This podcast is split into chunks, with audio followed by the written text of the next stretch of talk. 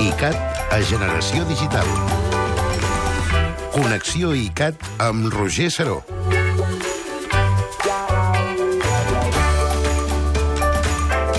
Roger Saró deixa el Shazam, ho has deixat ja, sí? Sí, perquè a més el que ara explicaré ho he, ho he escrit jo. Ho saben, no? Els oients que tenim com un guió, que no Sí. llegim, eh? Anem explicant coses que ens hem escrit abans. És I ara la primera cançó, sí, no només la, la, me la sé, sinó que l'he editat jo allà on peta, saps? Ah, amb sí? un editor d'àudio. Això es fa molt a la ràdio, també. Sí, sí, mira, sentiu-la.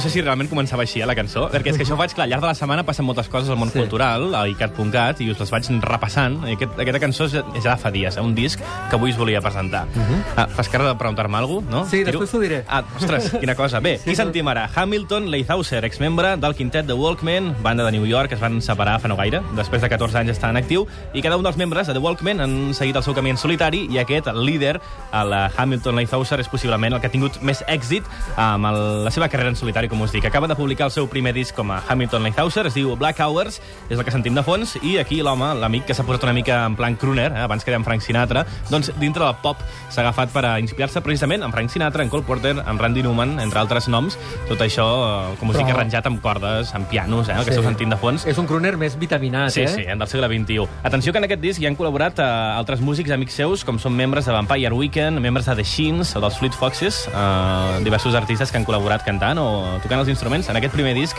de Hamilton Leithauser. Es diu Black Hours i és el disc que us llenço per aquesta setmana. Molt bé, eh, parlem ara de cinema perquè just ahir, divendres, va arribar a les pantalles de, del nostre país una, una cinta molt esperada. És el tercer llargmetratge del director Nacho Vigalondo. It's a surveillance camera in the theatre. What is this? You can look at anything you want. Why, why did you give this to me? Can you keep a secret? Yeah. Open Windows es diu el tercer llargmetratge de Nacho Vigalondo. Aquí ja he vist moviment, amb el to de l'Albert Murillo i amb els moviments de la Gina, que també ets fan, no?, del Vigalondo. Sí, és molt bo aquest director de cinema. Sí. Fa temps vaig veure Los Cronocrímenes i ara aquesta Open Windows té una pinta espectacular, no només pels actors, sinó per la història en general. Los Cronocrímenes és una pel·lícula que jo crec que va posar per primer cop en la història a Espanya com un lloc on es pot fer bona ciència-ficció. Ho va demostrar aquest director càntabre, Nacho Vigalondo, i també ho va demostrar en el segon llargmetratge molt diferent, que deia Extraterrestre, Sí, sí, recordeu? sí. Doncs aquesta tercera també és molt diferent, eh? Open Windows la protagonitzen, atenció, Elijah Wood, no necessita presentació, El, el, el, el Ah, Frodo, del Senyor dels Frodo, Anells. o altres papers petits que ha tingut també, que també et comentarem, i la noia de la pel·lícula Sasha Grey, que la coneixem sobretot pel porno, és així, amb el del porno hardcore, tots l'hem vista unes quantes vegades, i curiós que la Tots? seva carrera ha fet... Tot, anava a dir Tots? tots, Molts, no, molts, molts l'hem vista. Jo- Albert? Molts l'hem no, no, vista. perdoneu-me, això, Molt guapa, això de, sí. de, de les pel·lis porno, pensava que era dins de la pel·li. No, no, no, és- és actriu ella porno de veritat. Molt bé, Sí, sí, sí, no, no, és Ja cap està. broma. Ja Seguim. m'informaré, I ja no, informaré. mm, és molt fàcil informar-te'n. Bé, de fet, en aquesta pel·lícula la ficció ella fa com d'una com d'una artista, com d'una actriu molt famosa, que és el que és ara, realment, té aquesta carrera tan peculiar.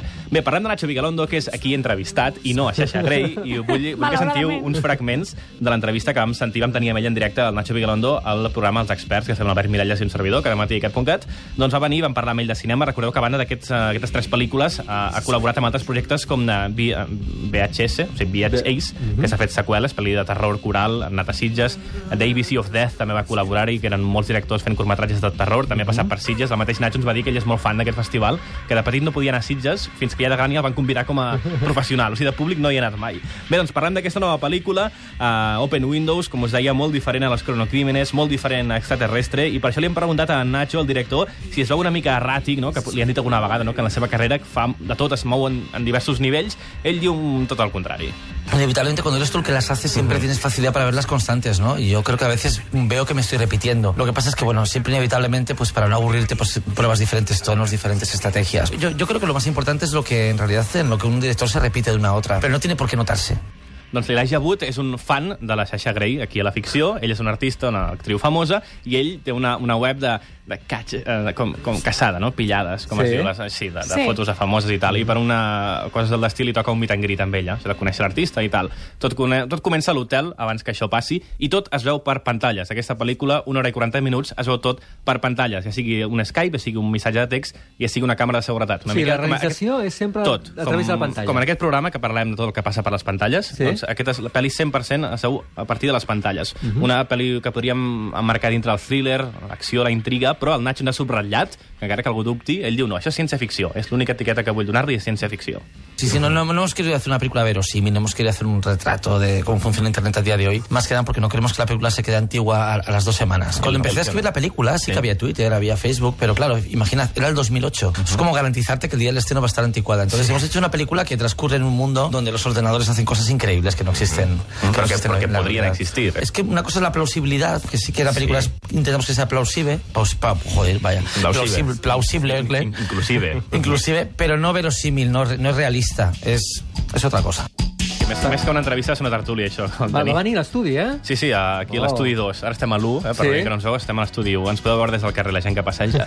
Bé, doncs, com va conèixer Nacho Vigalondo a Elijah Wood? Doncs uh, va ser al revés. L'Elijah Wood va anar a ell, es van trobar en un festival a Austin, uh -huh. i l'Elijah Wood va anar al Nacho Vigalondo i li va dir, m'agrada molt el que fas, la teva feina, i el Nacho ens ha dit textualment, diu, intenté no mear-me a, a, a encima. doncs és que l'Elijah es veu que no només li agraden les, fer grans produccions, eh, que si Senyor dels Anells o Sin City, ell li agrada triar. Eh? Eh, Recordem que hi ha pel·lícules seves com Mania, que és petites, Gran Piano, que va obrir Sitges l'última Sí. edició, on va venir l'Elijah Wood, i li agrada molt triar pel·lícules que li agradin, i, uh, i so que és un gran cinèfil, eh, el Nacho Vigalondo mateix ens ho explica.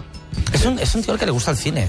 Parece, parece de perogrullo decir esto, pero es que no, no, es tan, no es tan común que una estrella de cine le guste el cine. No, no es, tan, no es tan común que a la gente que trabaja en el cine, pues pongamos grandes estrellas, grandes productores, luego sean apasionados del cine. Y yo lo que quiero es que alguien haya visto películas que yo no he visto para poder alimentarme ¿no? del gusto del otro.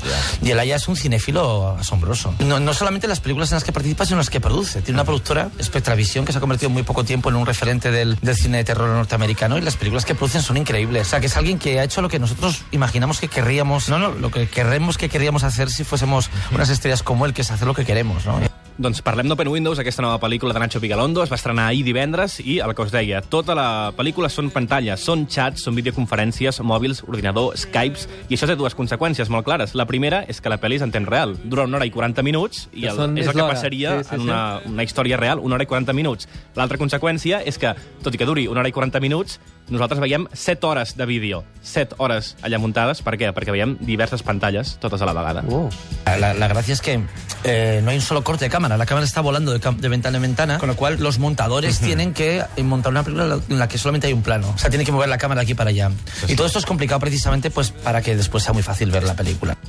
Molt interessant, això, de veritat. Uh, escoltar aquesta entrevista sencera, imagino que vas al icat.cat, vas directament als experts, i allà podem veure l'entrevista Mhm. Sí, sencera. hi hem estat una estona llarga, eh? Sí, que sí. La pel·lícula, recordeu, ja la teniu a les sales, molt trencadora per això del muntatge, i també crec molt trencadora amb la, amb la línia de, de, de produccions que ha Mhm. fet sempre el Nacho Vigalondo, que de fet sempre és molt divers la, la seva feina. Per acabar, el Nacho ens ha confirmat, ell diu que hi ha d'haver més contacte, ell que és tan proper, que pot ser una estrella internacional amb les seves pel·lícules i els seus actors, però és així de proper, i també diu que hi ha d'haver més diàleg amb el públic i aposta definitivament perquè el cinema s'ha de distribuir per internet. El futuro está en la distribución en Internet, pues ya, lo, ya es el presente en varios países, o sea, ya tiene que suceder. Pero claro, tienen que pasar cosas y una de ellas es que el, que el público pues que confíe a la hora de pagar por ver películas y descargarse contenidos en Internet, claro.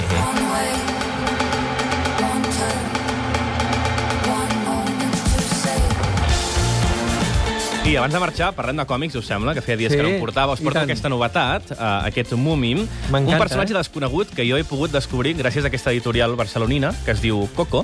Doncs uh, el Moomin és una tira, mm, és a dir, allò que coneixem com una tira gràfica amb 4 o 5 vinyetes i a tomata i té els seus personatges recurrents. A mi el llenguatge de les tires m'agrada molt, perquè una tira, encara que sigui una cosa petita que va al diari, i tens 30 segons de satisfacció diàries, té ja una història pròpia, té ja uns, uns gags recurrents que necessites haver-lo llegit unes quantes vegades per acabar d'entendre-ho. Eh? No sé, Calvin i Hobbes, ja ho veus, no?, que és un amic imaginari, però n'has de llegir potser 4 o 5. Però, per exemple, Peanuts, que tots els nens són uns psicòtics, n'has de llegir uns quants per acabar d'entrar en la personalitat de cada personatge. A Mafalda passa el mateix, no? Qui és qui? Doncs en les tires n'has de llegir unes quantes, i a mi és el que m'agrada d'aquesta mena de, de llenguatge similar al del còmic. Doncs el Moomin és un personatge que és tan famós a Suècia, Noruega, Dinamarca, també va arribar a diaris anglesos, i aquest recull que us porto, aquest llibre, eh, recull tires de Moomin, que és un troll, eh, que ja sabeu que els, és, la, és com el follet d'aquí, allí tenen trolls, al, al nord, no són com els de la xarxa, són trolls simpàtics, simpàtics. Sí. Doncs entre els anys 50 i 70 us, uh, es va publicar aquestes tires que es recullen just en aquest volum que l'editorial no descarta treure'n més. L'editora va passar pel programa Cabaret Elèctric, l'editora de l'editorial Coco Books, ella és la Mònica Carulla, i ens va parlar sobre això, de com aquí, que no en teníem ni idea de qui era Moomin, va descobrir aquest personatge. A veure, la nostra entrada amb, amb Moomin, eh, pràcticament quasi jo crec que podria ser una mica casual.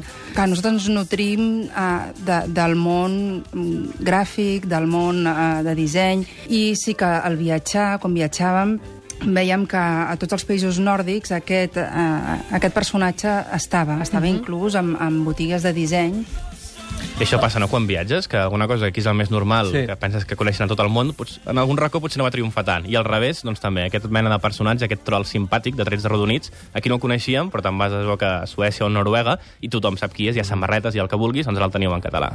És curiós perquè a mi me'n recorda una mica al tras uh, uns personatges que es deien Barbapapà, uh, que feien per televisió, per la cara que poseu els dos, Mm. eh, No no? sabem, no, no. Martí, te'n recordes del Barbapapà? Que sóc jo l'únic l'únic que, que me'n recordo del és, la, Barbapapà. és la parcel·la de la teva edat, això. Els Sí, segurament, època. segurament. No, no, i rec recordo, he viatjat al nord Mhm. uh, i hi havia gots, hi Sí. havia de tot, samarretes, etc. Doncs l'autora de Moomin es diu Tove Jansson, uh, va morir ja fa uh, uns 10 anys o així. De fet, ara es redita això per, el, de, per celebrar el centenari del seu naixement. Doncs l'editorial Coco Books us treu aquest Moomin i en regalem un amb aquest uh, Mario Kart, que també fa molta il·lusió. Molt bé. Per cert, uh, abans que et deia, volia dir una cosa. Ah, sí, el tema, eh, l'asterisc eh, pendent que teníem al peu de pàgina de la He vida. descobert aquesta setmana una cantautora que m'ha encantat, Mm? que es diu Nuri Total.